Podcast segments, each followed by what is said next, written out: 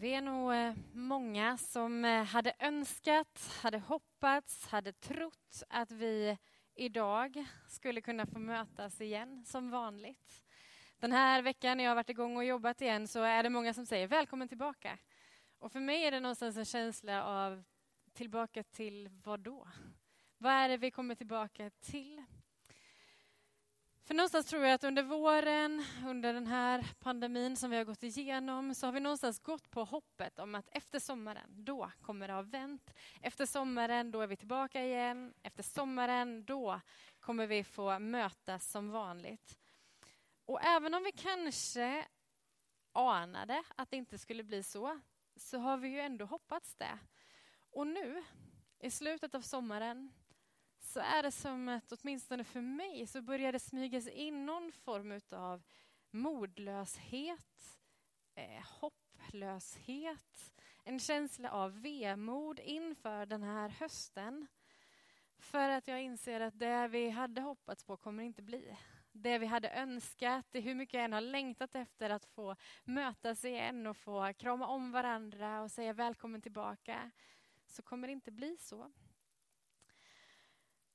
Och frågan är, vad gör vi då? Hur möter vi den här hösten? Hur tar vi oss an den här tiden? Vad är det vi egentligen har att förmedla just nu? Många gånger under den här tiden, sen i mars, så har jag fått eh, ta fäste på berättelser i Bibeln om människor som också befinner sig i olika typer av isolering, av utanförskap, av åsidosatthet. Och en av dem som jag har kommit tillbaka till och en av de eh, episoder i Bibeln som jag någonstans gång på gång återvänder till är exilen i Babylon. Det som sker i Gamla testamentet när Israels folk blir satta som fångar i Babylon. När man hamnar i någon form av ofrivillig deportering, ofrivilligt isolering, när ingenting längre är som det brukar, när man inte längre kan förmötas för att fira gudstjänst, när man inte kan hålla på med jobb och hem och hushåll så där som det brukade vara. Utan nu är det plötsligt något annat, något som ingen av oss hade valt, något som ingen av oss hade kunnat förutse eller önska. Och det finns någonting i den ofrivilligheten och i den utsattheten som jag kan identifiera mig med och som jag någonstans kan få hämta styrka i. Jag vet inte hur väl ni känner till berättelsen om exilen. För en del är den välkänd, för andra inte lika mycket. Den utspelar sig i slutet av Gamla testamentet och är den berättelse som många av profeterna bland annat adresserar när de skriver i sina böcker. Bakgrunden är att Israels folk har blivit en delad nation, det kallas Nordriket och Sydriket och så får man följa de rikena parallellt. Och Sydriket, Juda, lilla Juda, längst ner med Jerusalem som sin huvudstad, är det rike som kommer att bestå längst. Och trots påtryckningar från stormakter runt omkring och trots att andra länder runt omkring faller så står Juda stadigt. Fram till år 587 f.Kr. När det som ingen hade kunnat ana och ingen hade kunnat förutse plötsligt händer. Stormakten Babylonien intar landet. Jerusalem ödeläggs, bränns ner till grunden. Templet raseras, palatset faller. Och större delen av Jerusalems befolkning tas som fångar, som slavar och exporteras till Babylon. Längs tårarnas väg beskrivs det. Det som händer där, det här året, när nationen faller, när Jerusalem faller, är och blir en nationell katastrof kommer att få så pass stora konsekvenser för det judiska folket att man än idag fortfarande har minnesdag efter den här tiden, efter den här dagen, för att minnas vad som hände och hur det drabbade ett land. För någonstans är det så här att den katastrof som sker då kommer att ödelägga hela nationen och dess identitet. Allt det man hade trott på, allt det man hade byggt upp raseras plötsligt när templet faller. När Jerusalem, den där staden som skulle vara ointaglig, plötsligt visar sig att den inte är det. Och det är också någonstans så att i det judiska folket under ett antal århundraden som har gått, medan man har sett andra nationer falla, medan man har varit med om att Jerusalem har försökt att bli erövrat och lyckats på mirakulösa väg ändå stå stilla liksom och stå fast, så har det någonstans i folket byggts en, en tro, en form av övertro på en osårbarhet. Att ingenting kan hända oss, ingenting kan drabba oss. Vi är ju Guds utvalda folk. Vi är de som kommer stå stadigt vad som än sker. Gud är på vår sida. Ingenting farligt kan hända oss. Och så sker det ändå. Peter Halldorf, som är en av de som har skrivit mycket om den här tiden, inte minst utifrån Jeremia bok och det han ser, en av hans senaste böcker om att alla himlens fåglar har flytt så uttrycker han det som att det händer någonting i nationen som är värre än att förlora hem och hus och arbete och till och med familjemedlemmar. Det är att folket förlorar mening. Allt det man hade trott på. Känslan av att Gud är på vår sida. Allt det försvinner när templet raseras. Det som någonstans är kännetecknet på Guds närvaro. Och kvar finns en känsla av total meningslöshet. Av att Gud har övergivit, Gud har svikit. Vilka är vi nu? Vad är egentligen syftet?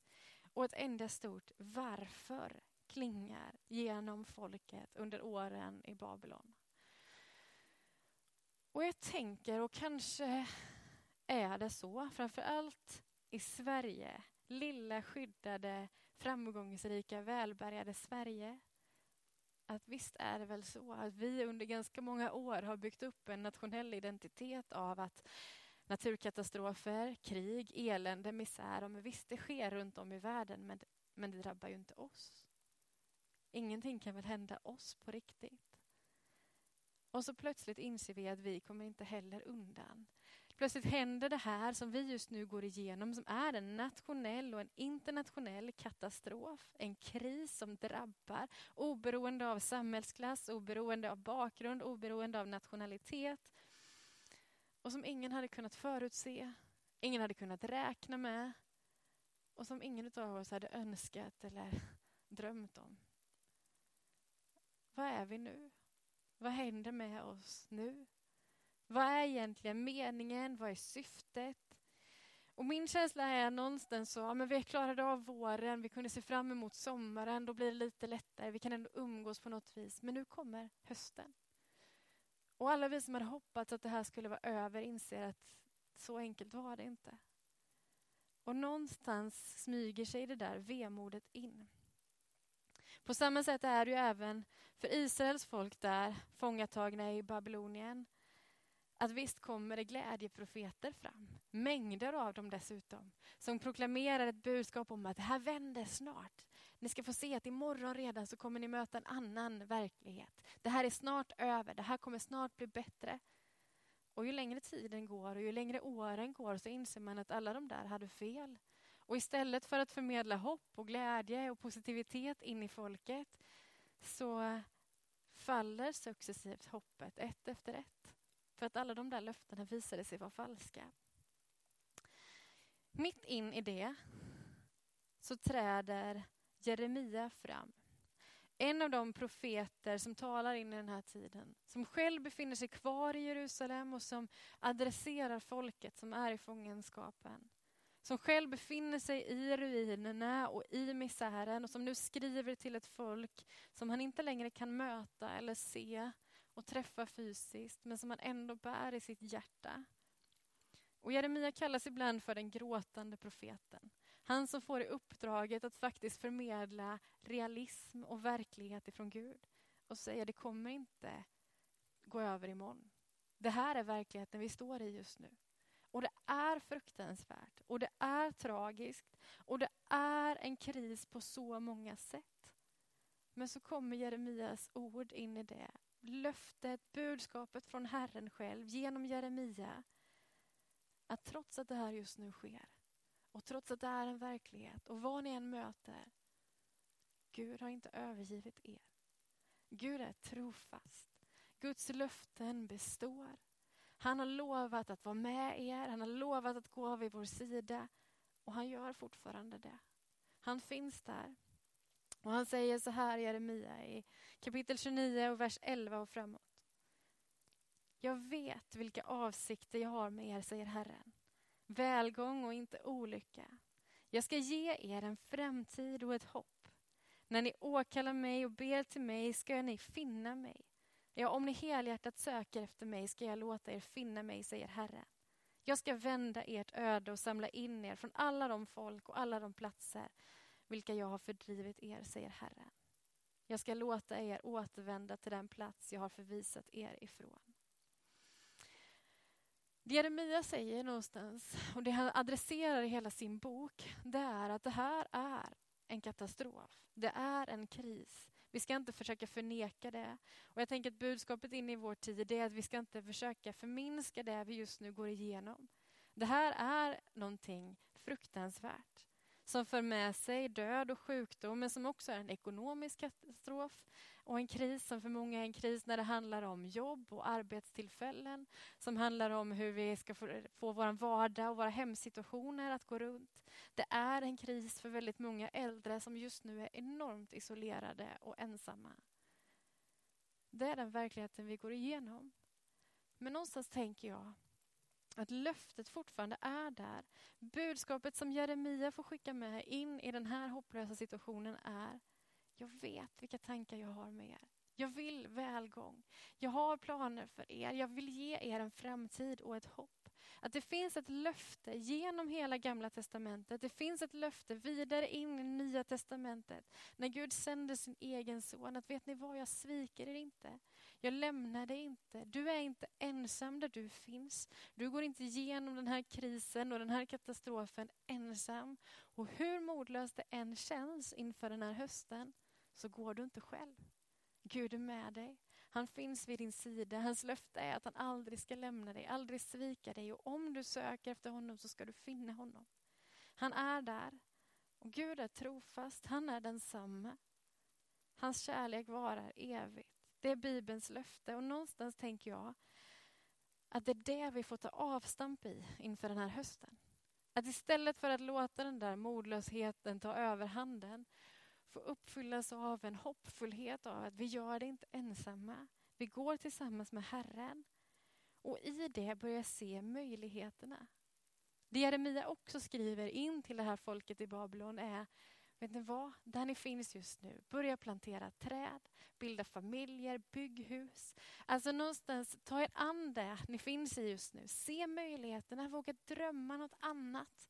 Nej, det är inte som ni en gång hade det. Det är inte som ni hade önskat. Men det finns möjligheter här.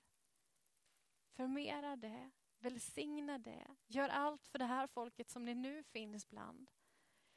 Och kanske är det vår utmaning vår möjlighet inför den här hösten att göra någon form av nyorientering. Att istället för att komma tillbaka till att allt är som det en gång var, börja fundera på vad är vi nu? Det här var inte bara en kortvarig paus, utan kanske är det här ett nytt nu. Och vad gör vi nu? Var befinner vi oss? Vad är egentligen vår identitet? Vad är egentligen vår kärna? Vad är det som bottnar i djupet av mitt liv? Och hur kan jag börja se möjligheterna i det som finns runt omkring just nu? Hur kan vi se möjligheterna med den här hösten? Nej, vi kommer inte kunna fira gudstjänst som vi gjorde. Men kanske finns det andra möjligheter. Kanske kan vi få mötas på andra sätt. Kanske finns det andra vägar, andra kanaler. Nej, du kanske inte kommer kunna gå tillbaka till din arbetsplats, men kanske finns det andra möjligheter. Är att du just nu får tid att möta de som finns runt omkring dig. Kanske har du tid just nu att ringa det där samtalet, lämna en liten present hos grannen. Alltså på något vis hinna uppmärksamma dem du inte i vanliga fall hinner möta. Kanske finns det andra möjligheter i att få nå ut via sociala medier. Att se den där andliga nöden som också finns i vårt samhälle och som är ännu mer aktuell och verklig kanske just nu i en nation, i en värld i kris. Hur kan vi få vara med och ge Guds löften, Guds kärlek in i den tiden? Det Israels folk gör under tiden i Babylon för att hitta hoppet, för att hitta en ny mening Och framförallt när de kommer tillbaka så småningom till Jerusalem igen och ska försöka börja om, det är att de börjar skriva ner sin berättelse.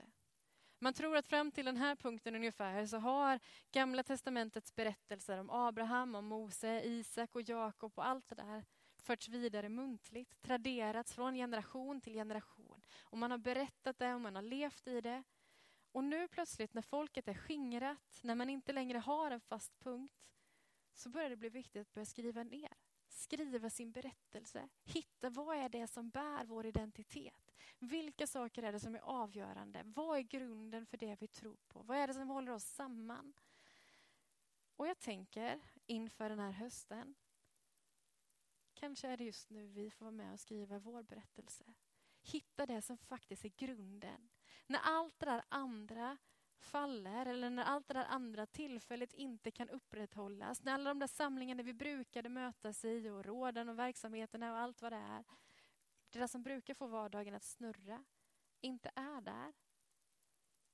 Kan vi då någonstans kanske göra en nyorientering och se vad är egentligen kärnan? Vad är egentligen grunden? Vad är det som är vår identitet? Vad är det vi ska hålla fast vid? Vad är det vi kan få se möjligheterna i? Vad är det vi ska jobba med just nu? Vad är vårt varför? Vad är kärnan i det vi står i? Att kanske faktiskt låta den här tiden, som jag inte tror är en paus, utan som är någonstans ett nytt sätt att vara kyrka, samhälle, nation, återigen få fästa blicken vid korset vid Jesus, vid det som står när allting annat faller, vid det som är grunden för mitt liv, för min tro, för vår tro som kyrka. Att hitta fast i Jesus igen och fundera på hur når vi ut med möjligheterna att få möta människor med den kärleken som korset talar om. Att få hitta grunden, centrum, klangbotten om man så vill i vår tro. Jesaja skriver så här. I den delen av Jesaja som också talar in till ett folk i utsatthet och i förtvivlan så skriver han så här. Kapitel 43, vers 19. Nu gör jag något nytt. Det spirar redan. Märker ni det inte? Jag gör en väg genom öknen, stigar i ödemarken. För en del så känns det att gå in i den här hösten som att man går in i en öken. Att det är öde, att det är kört. Men Gud är den guden som har förmågan att göra stigar in i den öknen. Som ger vägar mitt i ödemarken och som redan nu gör något nytt. I vår församling, i vårt samhälle här i Habo och också i ditt liv.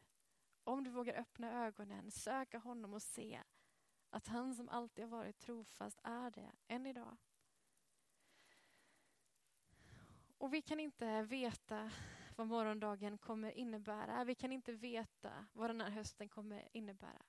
Vi kan inte ens veta om du eller jag får leva när den här hösten är över. Men vi kan få lita på att idag gör Gud något nytt. Idag är han trofast. Idag finns han där du är. Och hur ser vi möjligheterna i det? Vi ska be tillsammans och så ska ni få ta del av en sång på det här temat. Kära Jesus, du som känner oss bättre än vad vi känner oss själva. Gud, du som har allting i din hand, som har hela våra liv i din hand. Du som vet precis hur vi känner inför den här hösten. De av oss som längtar efter att få komma igång igen, där vardagen kanske ändå börjar hitta någon form av normalitet. Och alla de av oss som känner ett vemod och en öken inför det vi nu möter. Jaha, kommer jag fortsätta sitta där ensam? Jesus, tack för att du är trofast. Gud, tack för att ditt ord består.